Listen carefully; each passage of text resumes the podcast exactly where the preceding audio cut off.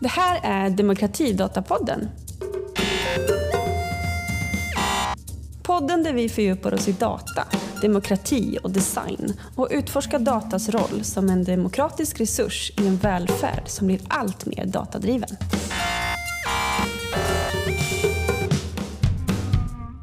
Hej André. Hej Peter. Jag har gjort en intervju Just det. med en organisation i London som heter Data for Change, som ju vi har smygkollat lite på i de olika projekten som vi har jobbat. Mm. Ehm, vi har ju gjort en datasprint till exempel, um, där vi har använt deras metodik. Vi har tagit fram en utbildning där vi har tittat lite grann på ett utbildningsmaterial som de har tagit fram. Så vi har haft dem lite grann som så förebilder för hur man kan jobba med data och påverkan. Så jag hörde av mig till dem och frågade om inte vi kunde få ställa lite frågor om ja, men hur kan man jobba med data som ett, ett påverkansmaterial och vilka, vad behöver man tänka på när man tar fram och använder olika metoder för ja, men dataläskunnighet och datavisualisering och så.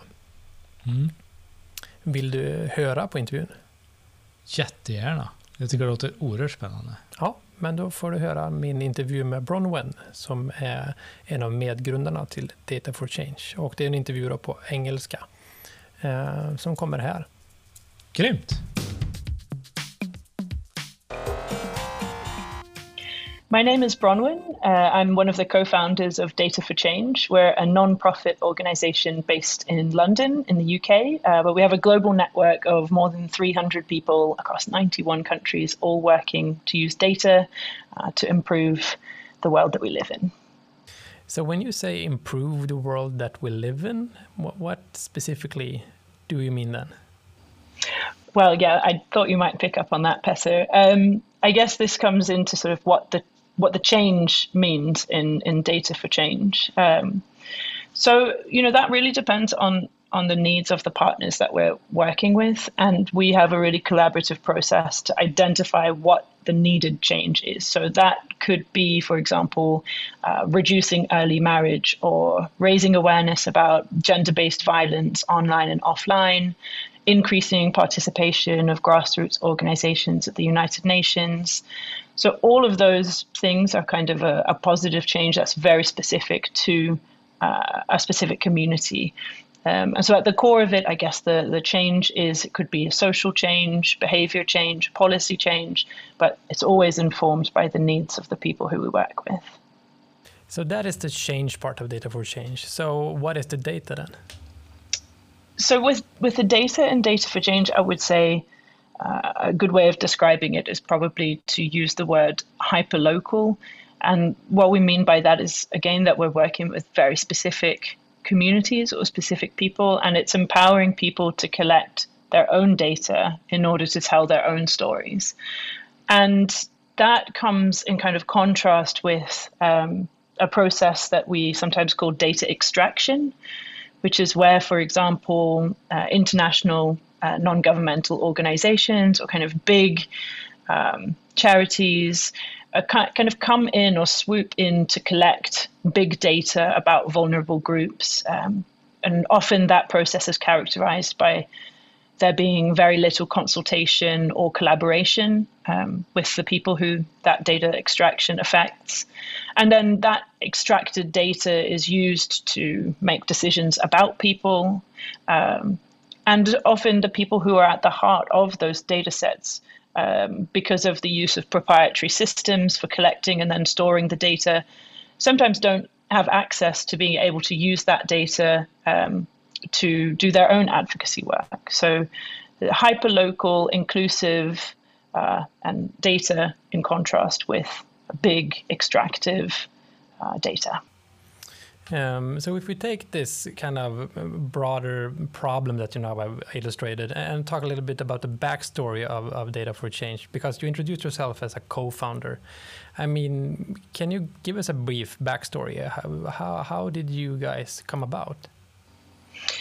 Yeah, so we um, started as a project within an, uh, another nonprofit organization in, in 2013. Um, and I guess the starting point was a, a research project, a self initiated research project, where we reviewed the, the data confidence and capacity of human rights organizations working in the, the Middle East, so our current partners at that time. Um, and the, the sort of too long don't read uh, summary of that is that those organizations were collecting data but not doing very much with it. You know, that was data, long reports to donors, um, sort of locked away uh, in, in, in, documents that were really uh, not accessible to a broad audience, or they wanted to collect data but didn't yet have the right skills uh, or tools to do so. And at the same time, we did a research project looking at the needs of the data um, visualization community, the data viz community, um, and data researchers, data designers, uh, data journalists all wanted to work with human rights organizations and on really important topics, but didn't know how to access the right data sets, were worried about kind of doing it wrong if they didn't understand the human rights law and context. Uh, so we really recognized that there was this kind of need on both sides that was very complementary and that we could create data for change uh, to fill. So that's the short version. So, did the human rights organization on one side and the data visualization people on the other side also see this need, or, or did you like have to explain to them that this need was there? Um, so the very first thing that we did was a, a kind of prototype of uh, a data and design sprint where we had a three-day um, sprint session in London with human rights organizations and data researchers, designers, and journalists, just to kind of see what would happen if we created uh, a very supportive, collaborative environment and had a very kind of focused schedule and, and outcome um, oriented process. So, looking at the advocacy goals of an organization, the talent uh, of the, the creatives that we matched them with, and to see what they could do with the data to kind of push that forward that advocacy goal, but with not really any expectation of what the, the product might be. Um, and I think everybody was really uh, blown away with what could be achieved in such a short frame uh, in such a short time frame with these kind of really specific clear frameworks uh, around it. So yes i think that they understood there was a need. I mean the human rights organizations know that or want to use kind of evidence-based approach or data-informed or data-led advocacy and there are a lot of barriers to being able to do that um, researchers, designers, storytellers, data journalists are often, uh, especially if they work, I would say, in the private sector, very keen to use those skills for social good. But where do you start? How do you make sure that you do a topic justice? Um, how do you access a human rights organization and uh, offer your services or your work? Um, so there were there was yeah definitely an awareness of this being a good thing, um, but over time it certainly grew. Yeah. So you mentioned here that you used a methodology and approach called a, data design sprint, and we've tried that ourselves here in in in our project. Um, it takes a lot of work. I mean, it takes a lot of time, and it takes the right people to to set up a sprint. I mean why did you go for this approach? So, yeah, that's a really good question. I think for a few reasons. One is because we want to build and strengthen capacity within human rights organizations.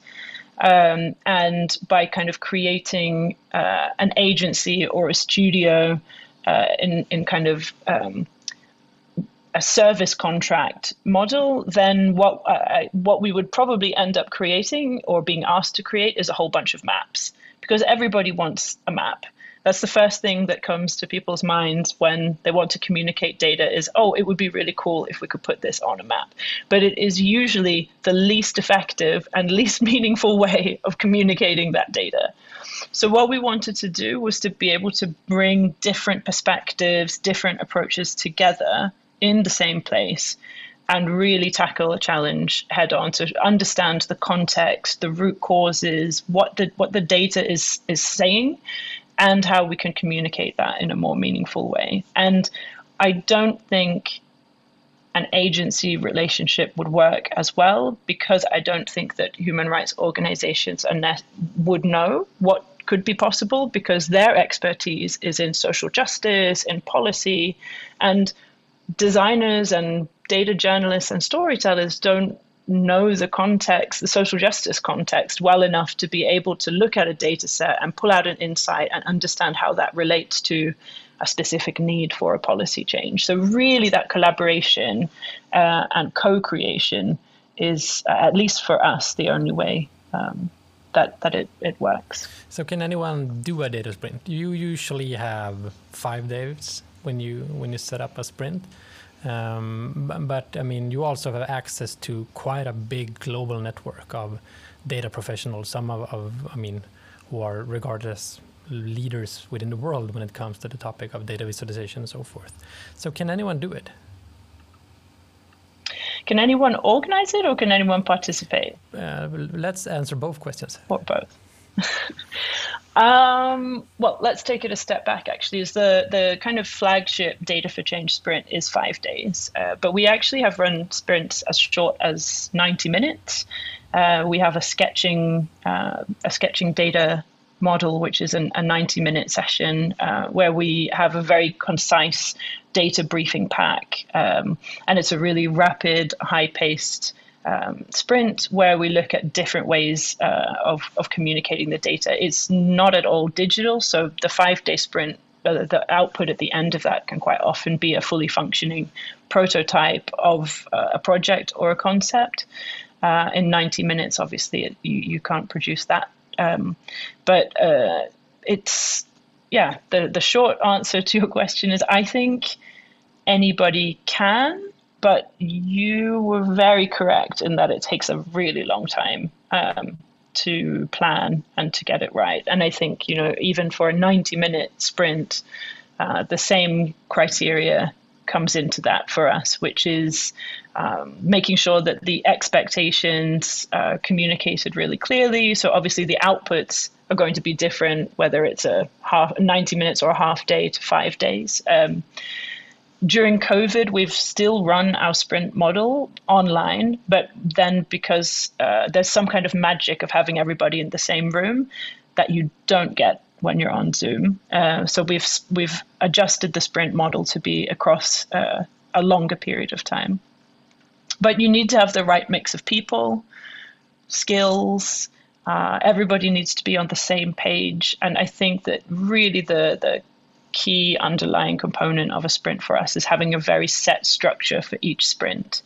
Um, so we don't know what the final product is going to be, but we know what the road mark is uh, along the way. Yeah, exactly. And then maybe definitely not la- last but not least is the vibe.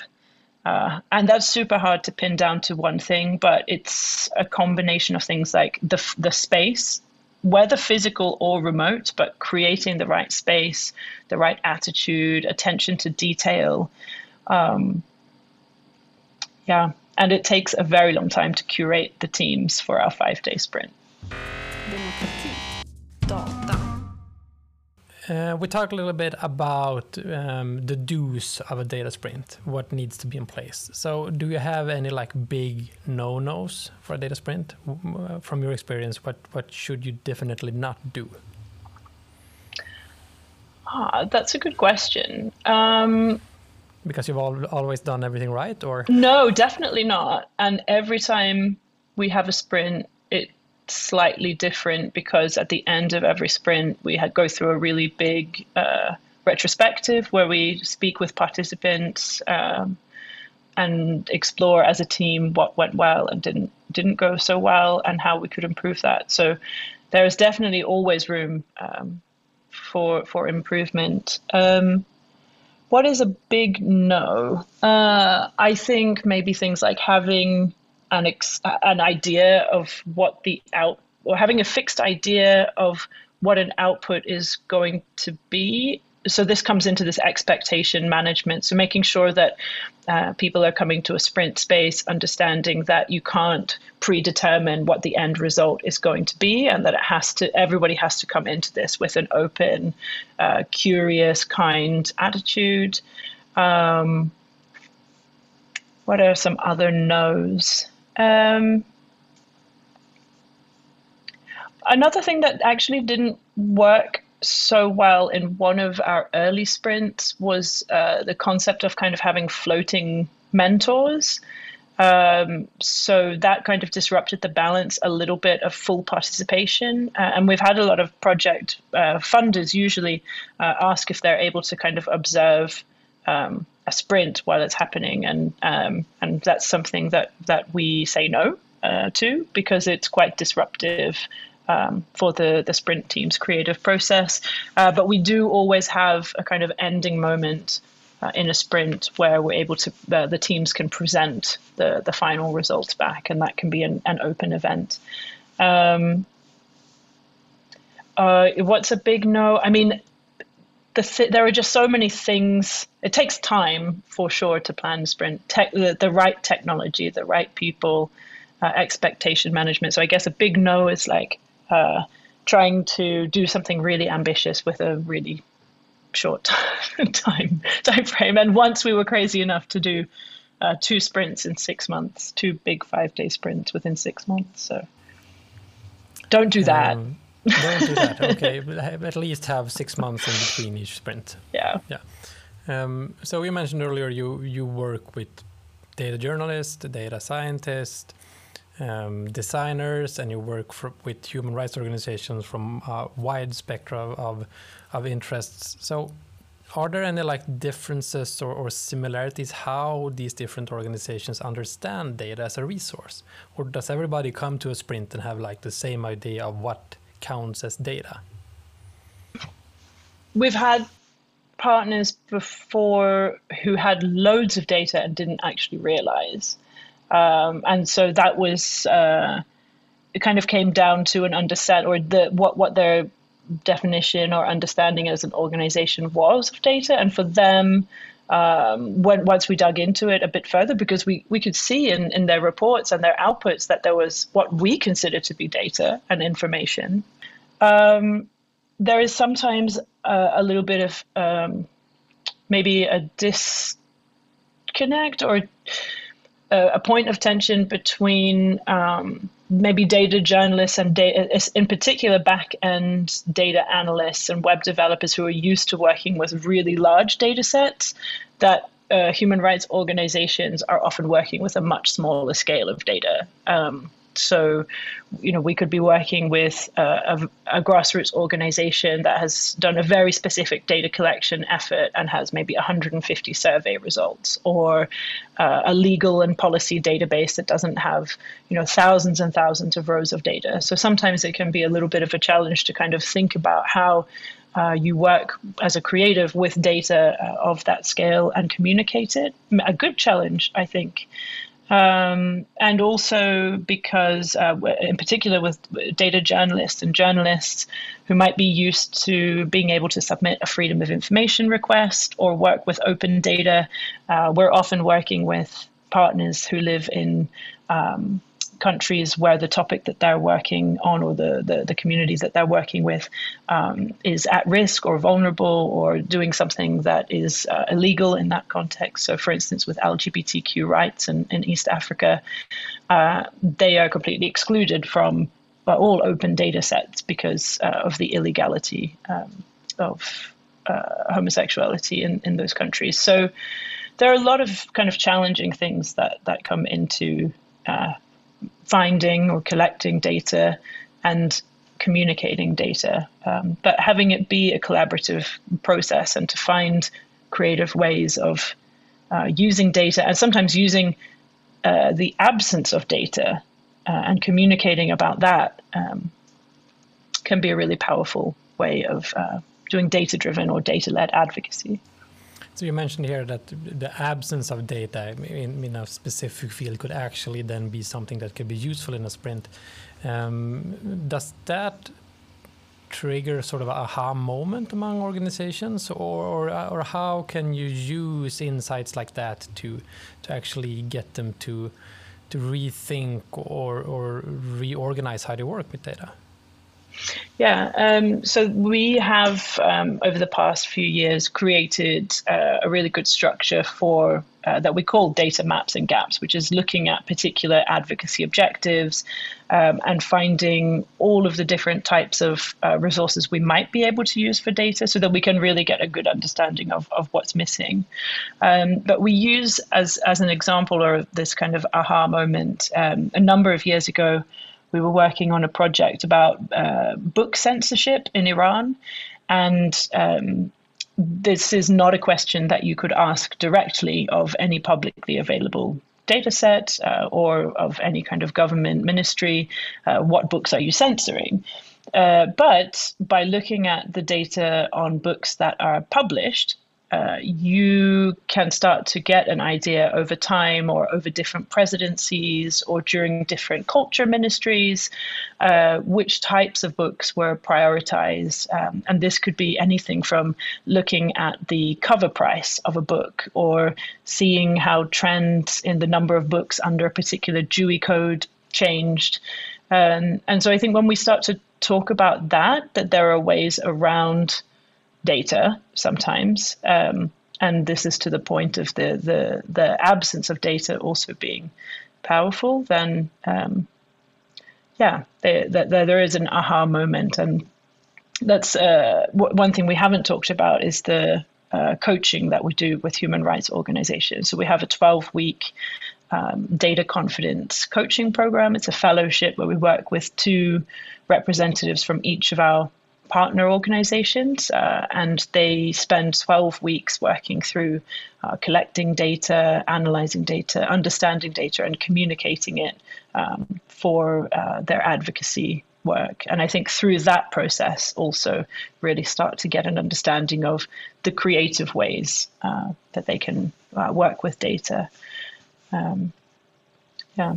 So, does that program give different sort of insights and different sort of resources uh, in contrasting um, does it give different insights than than a data sprint? I mean what do you get from from this um, partnership program or coaching program that you don't get from a sprint? So yeah, that's also a good question. We, we haven't been able to do in-person sprints for a really long time, um, and during the five-day sprint, we also would work uh, with the partner organizations to increase their data confidence by using different tools, while the creative, you know, having a check-in moment uh, two or three times a day with their teams, but also having some space uh, to strengthen their own capacity. Because for, for, for this to be kind of sustainable and scalable and long term, we also don't want to create a kind of dependency uh, relationship. There are lots of things that human rights organizations can can do to to collect and communicate data uh, without the need for uh, a really uh, incredible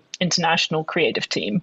So we also want to look at, and that's the purpose of the the, the fellowship, um, increasing the data confidence within an organization um, to be able to create charts for their reports or to present uh, data at a meeting with some stakeholders from the regional government, for instance. Um, so yeah, the I don't think it's necessarily different, but it's just extending uh, that, and it's an online um, fellowship. One of the benefits, uh, actually, of of the pandemic for us was the opportunity to be able to spread some of our work over a longer period of time. Like five days is very intensive uh, period of time to try and integrate in a holistic way data skills, data confidence into your organization. If we're able to spread that across 12 weeks and to give time um, to really look at creating a data informed advocacy strategy with an organization, then it has a, a longer lasting impact, I think. You used a word here, um, data confidence. Um, what do you mean when you say data confidence? Yeah, well, this is something that I'm exploring a little bit at, at the moment, and you know there are conversations around whether we should talk about capacity or building capacity or strengthening capacity or deepening capacity, and but for, for you know working with data isn't just about a technical quote unquote capacity. There's a, a whole lot of barriers for people to engage with with data that even go beyond the technical skills, and it kind of starts uh, in in childhood. There's um, you know, data and numbers and mathematics. It's sometimes it's gendered, sometimes it's exclusive. It relies on literacy. Um, so I guess with data confidence, it's a broader thing around being able to critique data. So numbers, if somebody presents a piece of information and says 75% of people said X, do you have the confidence to engage with that and critique it? Are you taking it at face value just because it's presented as data doesn't mean it's a finite source of truth? So I think confidence to be able to challenge, communicate, engage with data uh, is something more broad than the capacity to create a pivot table or administer a survey. Um, so I don't know. I'm still exploring the, what data confidence means, but it's something along those lines. Um, I, I, really like the term, and, and, I think it sort of puts the, the, the, finger on something that we're seeing when we're working with both the, in my case, with the public sector and, and the civic sector, that there is a lot of knowledge and there is a lot of ambition, but perhaps the, the data confidence, I mean, um, um, as you frame it, it's not necessarily there. It's maybe it's not that far away, but you need like to push the right buttons actually to to make everyone feel that well i am actually a data expert when it comes to this specific question or this field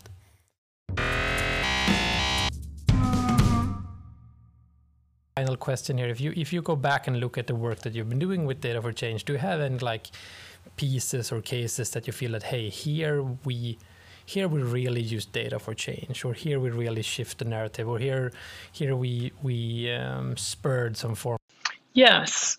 Uh, quite a few, and I think something that they have in common is that they're they're not data visualization dashboards. Like they are, uh, you know, most people in the world don't have good quote unquote data skills, and that includes decision makers too.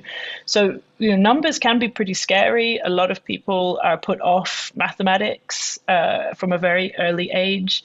Um, you know, in, in some geographies, there may be a different literacy levels and data literacy levels as well. So, you know, it's about audience research as much as it is, um, you know, then to, to communicate the data. One of my favorite projects is uh, was with an, a partner in Jordan called the Arab Women Organization of Jordan. And we've, we've done a number of projects with them. They were at our sprint uh, in 2018. Um, the first project, uh, they work to reduce um, early marriage, in particular uh, among Syrian communities in, in Jordan. Um, but they mostly work with mothers of, of at risk daughters and have really had a lot of trouble trying to engage fathers um, while their data. Uh, has insights within it that show that fathers are often the decision makers uh, when it comes to, to early marriage. So uh, the first project we, we worked on with them was called A Bride with a Doll. Uh, it's actually an offline interactive experience. It's a, a book that's created uh, with data insights, and the daughters start reading from one side of the book and the mothers from the other side of the book, and they meet in the middle. Uh, but they read each other's perspective about early marriage. And then in the middle of the book where they meet, uh, they have a guided conversation and can write pledge cards to each other. And, you know, this is something that is on a very small scale. It hasn't eliminated early marriage yet, but it's something that is very easy to implement, uh, to scale. It's something very personal, it's something very connected to directly to the, the communities that they're working with uh, and has a tangible impact. But the, the same uh, organization, Arab Women Organization, last year, uh, we worked together to create a project that would engage fathers. Uh, and we used a data set that they had where they had asked daughters, mothers, and fathers a series of questions. And from that data set, we identified together with Arab Women Organization that there was a real disconnect between the aspirations that daughters had for their futures and the aspirations that their fathers and parents had. Um, so together we created a, a, short story competition for girls aged 13 to 18. And the kind of catch, I guess, was that uh, to submit their story, they had to have a supporting story from their uh, father or primary caregiver. Um, and I don't know if you have the, the possibility to share links with your podcast, but if you do, uh, I'd really recommend uh, this very short video showing um, some of the fathers speaking with their daughters in a, in a video after the short story competition about how much of an impact it had on, on their relationship. Just having the first conversation they'd ever had about their daughter's dreams for the future.